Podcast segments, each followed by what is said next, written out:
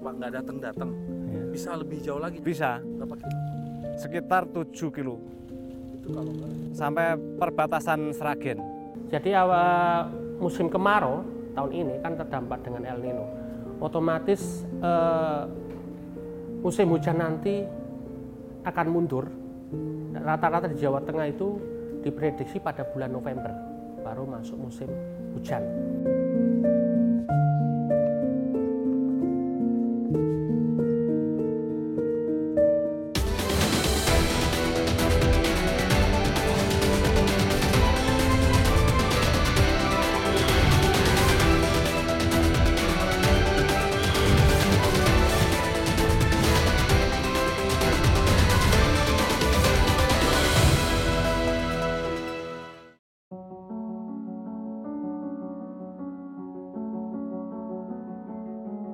Badan Meteorologi, Klimatologi, dan Geofisika mencatat kemarau di Indonesia tahun ini sebagai kemarau kering.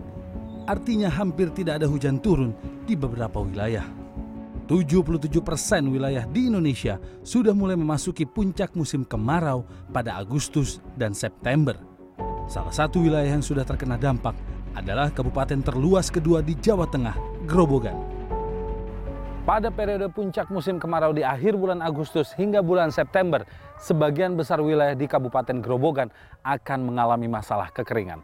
Ladang warga sebagian besar kering kerontang akibat tidak adanya aliran air. Tidak hanya itu, kehidupan masyarakat di pedesaan pun turut terdampak dengan masalah kekurangan suplai air bersih. Kondisi ini terjadi akibat wilayah Kabupaten Grobogan yang minim sekali adanya sumber mata air alami untuk menyuplai kebutuhan masyarakat. Namun di Desa Karanganyar Kabupaten Grobogan, sebagian besar masyarakat memiliki cara sendiri untuk bertahan di masa kemarau panjang seperti ini. Kesulitan air bersih menjadi masalah utama di Desa Karanganyar, Kecamatan Geyer, Kabupaten Grobogan. Lebih dari 2.700 keluarga di desa ini terpaksa menghemat air bersih untuk kebutuhan mandi, cuci, dan kakus selama tiga bulan terakhir. Salah satunya adalah Sunardi. Pria asli Karanganyar ini harus berjalan beberapa kilometer mencari air bersih. Berbekal jeriken dan cangkul, Pak Nardi mencoba peruntungannya di sungai yang mengering ini. Jalur yang saya lewati bersama Pak Nardi ini bukanlah jalur hutan ataupun jalur desa. Ini adalah sungai di Desa Karanganyar yang sudah 3 sampai 4 bulan terakhir ini mengering akibat musim kemarau. Dan saat ini dasar sungai ini dijadikan jalur oleh masyarakat setempat untuk mencari lubang air ya Pak ya. Iya, iya. Untuk memenuhi kebutuhan air mereka yang memang sangat kekurangan di musim kemarau ini. Dan saya saat ini sama Pak Nardi akan mencari salah satu lubang tersebut untuk mencari air untuk kebutuhan di rumah Pak Nardi. Mari Pak. Ini adalah aliran anak sungai Peganjing yang melintas di tengah desa Karanganyar sepanjang lebih dari 10 km. Pada musim hujan, sungai ini memiliki kedalaman 5 sampai 12 meter. Namun sejak Juli lalu, sungai ini kering dan hampir tak menyisakan air. Tak putus harapan warga tetap mendatangi sungai, mengais sisa-sisa air yang terendap di dasar sungai. Jika menemukan satu titik sumber air, warga akan menggali lubang agar air di sumber bawah tanah bisa diambil. Lokasi pengambilan air biasa disebut sebagai belik.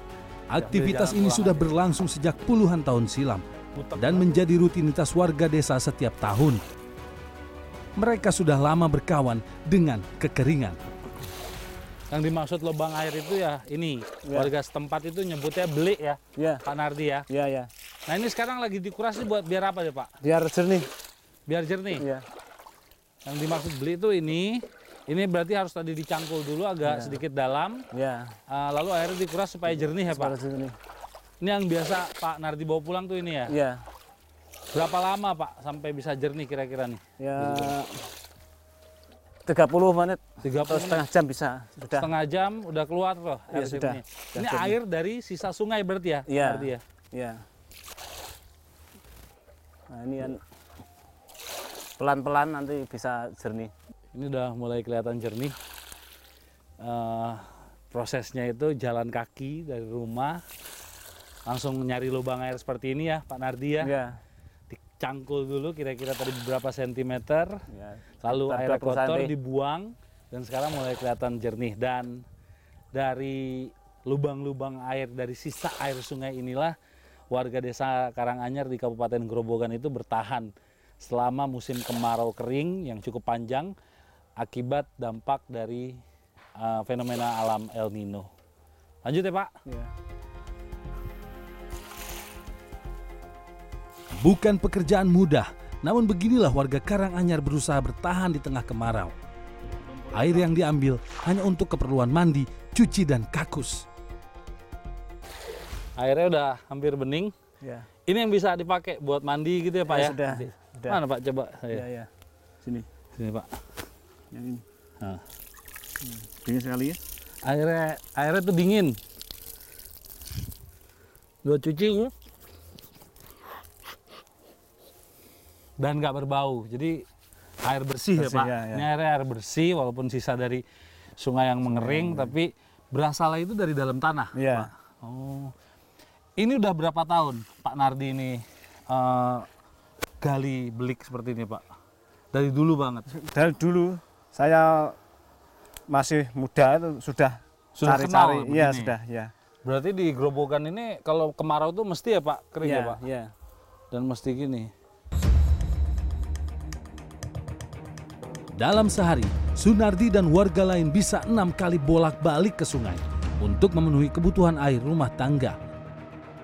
Saat saya berkunjung ke desa ini pada awal September, air masih bisa didapat tidak terlalu jauh dari permukiman warga.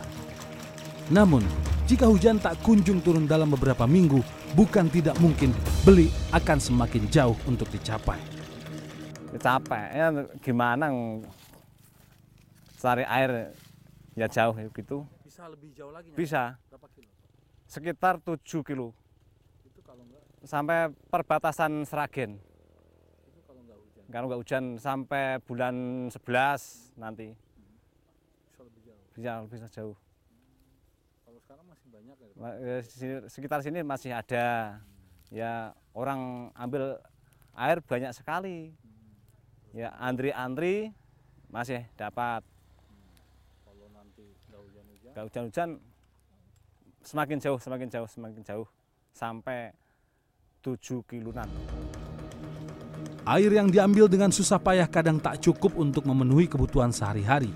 Para ibu rumah tangga benar-benar harus bijak menggunakan air bersih yang berasal dari beli.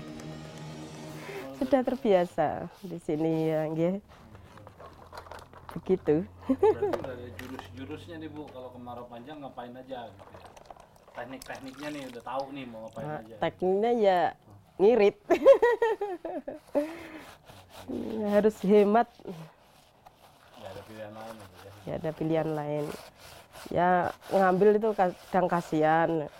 Bolak-balik kan kadang peng 10 jeligen yang belum cukup. Ya, mandi, Hmm, apa nih nyuci baju kan belum cukup nak. Kadang 10 jilikan itu nyuci baju ya celup kayak satu kali aja. Satu kali langsung bilas gitu aja. Nggak pernah dibilas dikocor mboten. Langsung Pakai deterjen tapi kan. pakai bak- bi- diberi deterjen celup ke sepindah langsung bilas empon Tidak semua air digunakan di rumah. Warga harus menyisihkan air untuk tanaman. Pada musim kemarau, warga memang tidak menanam padi dan beberapa tanaman lain yang membutuhkan banyak air. Warga menanam tembakau dan jagung yang lebih bisa bertahan. Meski hasil kurang maksimal, Sunardi harus tetap menanam untuk menghasilkan uang. tamanan po apa tuh jagung lombok eh, tembakau bisa urip tapi kurang maksimal. Ya. Tapi tembakau tuh tahan ya Pak. tahan.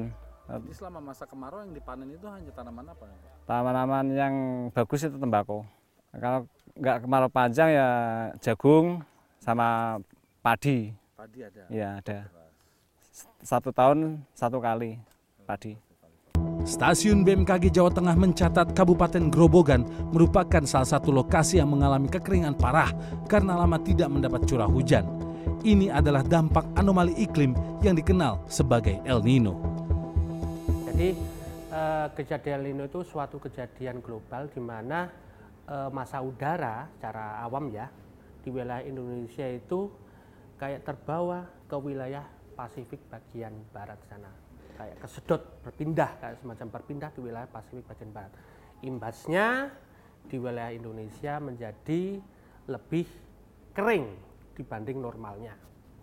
Tapi efek lainnya dampaknya di wilayah eh, Amerika Selatan sana di sebelah barat adalah timbul hujan yang cukup hebat, bisa-bisa banjir. Jadi dampaknya sekarang akan terasa banget mungkin di wilayah Jawa Tengah ya. Kita kan sering membuat eh, distribusi curah hujan tiap hari dari 816 pos hujan kerjasama yang dikelola oleh BMKG itu kita mulai kira-kira bulan pertengahan Juli sampai dengan Agustus ini tanggal 20 31 ini rata-rata curah hujan hariannya aja ya seluruh Jawa Tengah itu 0 sampai dengan 1 mm.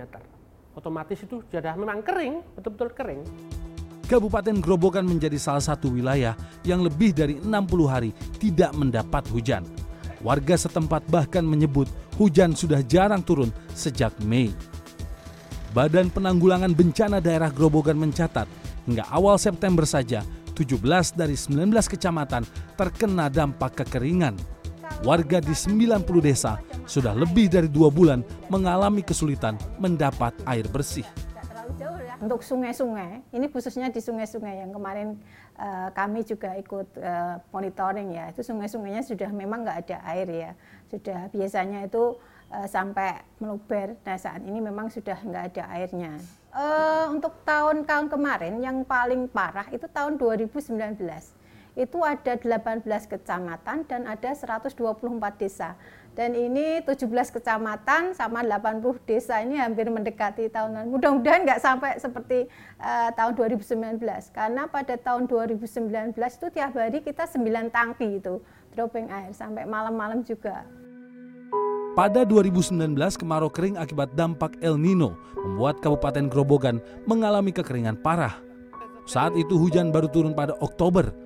Warga Grobogan kala itu harus menempuh hingga 9 km untuk mendapat air bersih di belik-belik.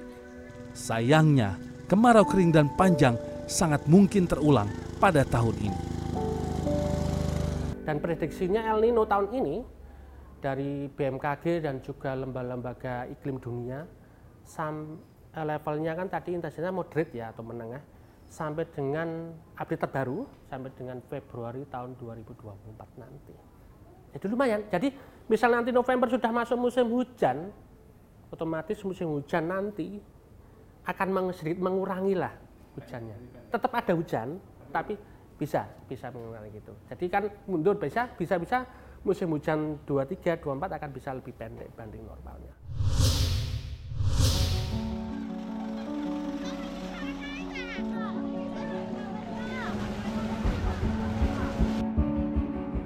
Posisinya apakah memang tidak ada sama sekali air tanah di seluruh wilayah Karanganyar ini? Apakah pernah dites untuk untuk dibor gitu Pak? Uh, sudah sering dari uh, swadaya masyarakat itu sering melakukan pengeboran itu uh, sudah mencapai kedalaman 150 meter rata-rata itu nggak ada airnya.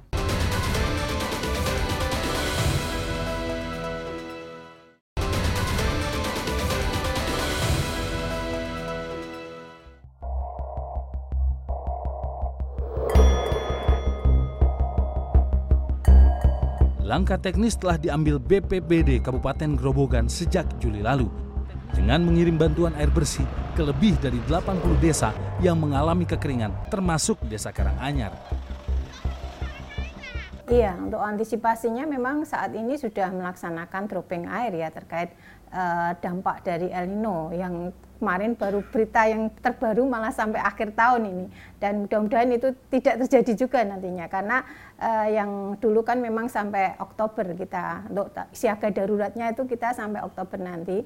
Uh, kalau memang nanti sampai akhir tahun berarti harus memperpanjang untuk siaga darurat kekeringan ini nanti. Dan kita sudah sudah melaksanakan dropping air bersih. Ini ada empat tangki dari BPBD dan saat ini uh, tadi saya juga mengajukan untuk bantuan tangki air dari Kementerian PU. Mudah-mudahan bisa segera dikirim. Jadi ada lima tangki nanti. Jadi mudah-mudahan bisa eh, desa-desa uh, yang terdampak itu bisa tercover terkait adanya bantuan air bersih.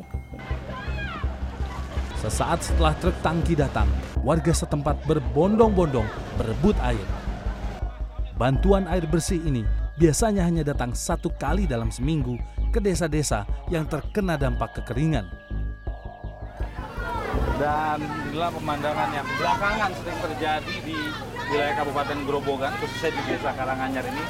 Warga saat truk bantuan dari BPBD setempat datang membawa bantuan air bersih, itu langsung berbondong-bondong uh, datang ke tempat lokasi penampungan air.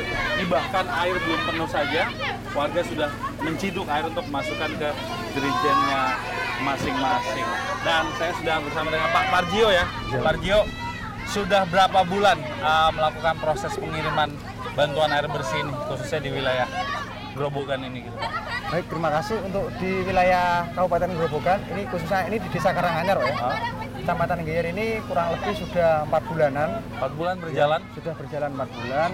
Itu dropping air bersihnya ini kita setiap ke sini membawa dua tangki entah berapa kali dalam satu harinya kapasitas tangki kita adalah 5000 liter. Warga tuh kalau pas datang memang selalu ramai begini langsung ya Pak ya? Iya, mesti kalau kita datang warga langsung datang berbondong-bondong di mana RT tersebut sudah tersedia seperti ini Pak. Ya, bak seperti penampungan ini. ya. Bak penampungan.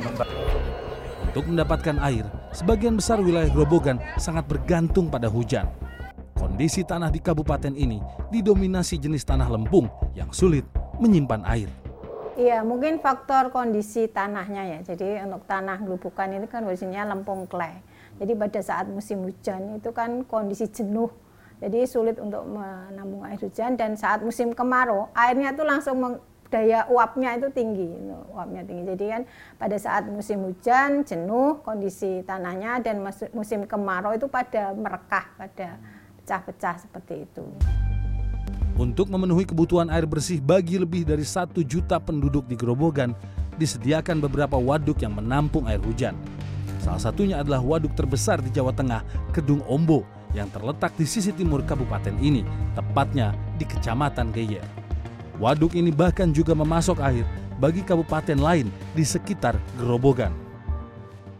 Jika hanya mengandalkan satu waduk besar, kebutuhan air di kabupaten ini tidak akan cukup Beberapa waduk kecil tersedia di Grobogan untuk memenuhi kebutuhan air bersih warga hingga irigasi pertanian. Sayangnya, kemarau kali ini juga berdampak ke persediaan air di salah satu waduk tertua di kabupaten ini. Bagi Kabupaten Grobogan, kemarau kering kali ini tidak hanya berdampak pada keringnya ladang warga dan sungai-sungai di pedesaan. Waduk Sangge yang sudah berusia 100 tahun lebih di kabupaten ini mengalami hal yang sama. Waduk yang bisa menampung 385 ribu meter kubik air ini mengalami kekeringan beberapa bulan terakhir dan sementara ini tidak bisa mengaliri irigasi untuk persawahan di sekitarnya. Terakhir kali Waduk Sangge mengalami kekeringan adalah pada kemarau 2019 dan pada tahun ini kondisi serupa kembali terjadi. Bagi warga desa Karanganyar, keberadaan waduk-waduk tada hujan di luar desa seperti tidak berdampak apa-apa. Wilayah desa ini dikelilingi perbukitan dan cenderung berada di dataran yang lebih tinggi. Kondisi ini membuat air dari waduk mana pun sulit untuk dialirkan. Sejak lama warga secara mandiri membuat sumur dan tandon air pribadi juga tandon air milik desa untuk menampung air hujan. Sebagian besar atau hampir seluruhnya bahkan ya, yeah masyarakat di sini itu membuat sumur ini untuk tada hujan. Tada hujan, Mas. 90 persen. Ya. Kenapa itu, Pak? Mungkin Uh, karena kalau musim kemarau itu sulit untuk mendapatkan air bersih untuk hmm. kebutuhan rumah tangga hmm. itu. Sehingga rata-rata itu sudah menyadari setiap kakak itu hampir 90 persen lebih itu punya air uh, punya sumur gali. Hmm, jadi sumur ini yang kalau biasanya kan sumur ini sumber air iya, dari tanah kan. Iya. Berarti ini untuk menampung air hujan, hujan saat aja, iya. musim hujan. Iya. Rata-rata iya. kedalamannya bisa sampai berapa meter ini? Uh, 9 sampai 10 meter. Itu sudah maksimal, Mas. Sudah maksimal. Itu sudah tidak bisa di uh, lebih Tambahan, dalam lagi nggak ya. bisa. Oke. Okay. Kondisi ini didukung pula dengan tidak tersedianya air tanah di seluruh wilayah Desa Karanganyar. Posisinya apakah memang tidak ada sama sekali air tanah di seluruh wilayah Karanganyar ini? Apakah pernah dites untuk untuk dibor gitu Pak? Untuk- Eh, sudah sering dari eh, swadaya masyarakat itu sering melakukan pengeboran. Itu eh, sudah mencapai kedalaman 150 meter rata-rata itu nggak ada airnya. 150 meter nggak ada air? nggak ada airnya. Sama sekali. iya. Kalau posisi Karanganyar ini sendiri jauh juga gitu Pak dari waduk-waduk besar di Kabupaten Grobogan atau dekat sebenarnya Karanganyar ini untuk eh, desa Karanganyar ini ikut kecamatan Geyer Hmm. Eh, notabene waduk Gedung Ombo itu juga di kecamatan Geyer saya juga eh, warga Karanganyar punya waduk tapi tidak bisa memanfaatkan airnya karena apa Pak? Ah. Air itu nggak bisa masuk berarti air dari waduk. karena untuk ya? menuju ke Karanganyar ini banyak bukit Oh, jadi walaupun dikelilingi oleh iya uh, ada waduk, waduk ya. dan tapi air itu nggak bisa ke sini masih kan satu posisinya. kecamatan waduknya Ah. cuman untuk menuju Karanganyar ini banyak bukit Sehingga Jadi air itu nggak bisa nggak masuk bisa, ke sini. nggak bisa Itu katanya udah ada tim peneliti yang sempat datang ke Oh, sini. sudah, sudah Kenapa gitu Pak sampai nggak ada air sini katanya? itu rata-rata itu bawah tanah itu eh, masuk tanah lempung mas tanah lempung itu yang tidak ada seratnya Mm-mm, jadi nggak nyimpen. tidak ada pori-pori itu loh tidak ada pori-porinya Jadi nggak bisa nyimpen Nggak bisa, air iya. di situ. Nggak bisa dilewatin air nggak bisa Nggak bisa. Jadi selama dari dulu Iya, warga itu dari dulu air hujan. ya kalau musim kemarau tetap eh, mengandalkan air, hujan ambilnya juga di belik-belik di sungai, Sisa-sisa aja Iya. kalau kemarau ini ya Pak Iya. ya. Kepala desa setempat menyebut salah satu solusi masalah air di Karanganyar adalah pembuatan embung tada hujan. Pada 2018, wacana pembuatan embung sempat bergulir, namun hingga kini belum terlaksana karena terkendala pembebasan lahan. Proses ini juga tertunda pandemi sejak 2020. Patok ini yang menandakan uh, posisi dibuatnya rencana dibuatnya embung di Desa Karanganyar ya Pak. ya? iya mas Perencanaannya dari kapan dan kenapa sampai sekarang belum Eh, berjalan gitu? Pak Kades? mengajukan proposal kurang lebihnya sudah 10 tahun Hmm. Kema- dulu sudah setiap tahun sudah ada tanggapan bahkan tahun 2018 Mas. Terakhir. 2018 itu pasang patok Oh itu. ini patok ini Iya, 2018. pasang patok Nah, itu kenapa belum juga dibangun nih Pak sampai sekarang nih Pak? nah posisinya? sini kemarin itu terakhir pas ada tim langsung survei mas itu sebenarnya sudah diambil sampel mungkin ke kedalamannya untuk lapisan tanahnya Hmm. itu sudah dapat semua terus eh, katanya untuk pembebasan tanah karena ini tanah eh, desa itu lebih baik eh, untuk pembebasannya itu eh, agak sulit Hmm, eh, mudah yang tanah hak milik pribadi. setelah itu saya juga memfasilitasi saya siapkan tanah hak milik dari masyarakat Hmm, Nah, setelah itu terus nggak ada eh, lanjutan. lanjutan sampai sekarang terus ada pandemi itu Oh, makin-makin nggak Iya. lanjut gitu ya Pak ya. Iya. Dalam skala nasional bencana kekeringan dampak anomali iklim tidak hanya dirasakan masyarakat di Pulau Jawa. Sebagian besar wilayah Indonesia yang berada di selatan Katulistiwa turut mengalami hal yang sama dengan rata-rata hari tanpa hujan mencapai lebih dari 60 hari. Eh, kalau kita lihat eh, kondisi cuaca mingguan, mas, itu daerah Indonesia yang di bawah garis khatulistiwa itu awannya nggak ada sama sekali, bersih sama sekali. Jadi Sumatera Selatan, bagian selatan, Bengkulu bagian selatan, Lampung, Jawa, Banten, Jawa Barat, Jawa Tengah, Jawa Timur, Bali, Nusa Tenggara, Kalimantan Barat, Tengah, bagian selatan, Kalsel, Sulawesi Selatan, Sulawesi Tenggara, dan Papua bagian selatan itu hampir bersih. Artinya hari tanpa hujannya itu durasinya sudah cukup lama. Pada puncak kemarau kali ini, teknologi modifikasi cuaca hampir tidak mungkin dilakukan. Karena sebagian besar wilayah di selatan Katulistiwa hampir tidak memiliki awan. Saat ini, langkah yang paling mungkin diambil adalah koordinasi perangkat kebencanaan daerah ke pusat agar proses bantuan air bersih untuk warga tidak terhambat. Kalau kondisi sekarang ternyata misalkan gerobokan kekurangan mobil tangki, oke nanti kita akan bantu. Tapi daerah yang harus me- me- mengusulkan ke kita. Daerah-daerah lain yang apa yang mungkin membutuhkan silakan menyatakan status siaga darurat supaya pintu dari pemerintah pusat mengintervensi daerah itu terbuka. Karena kalau nggak ada status, artinya secara asumsi, secara by law-nya, secara regulasinya daerah bisa mengatasi sendiri. Jadi harus ada status itu. Masalah kekeringan saat kemarau terjadi hampir setiap tahun. Setiap tahun pula, warga harus bertahan menghadapi masalah ini. Evaluasi penanganan bencana kekeringan rasanya perlu dilakukan sebelum masyarakat menghadapi kondisi yang jauh lebih parah.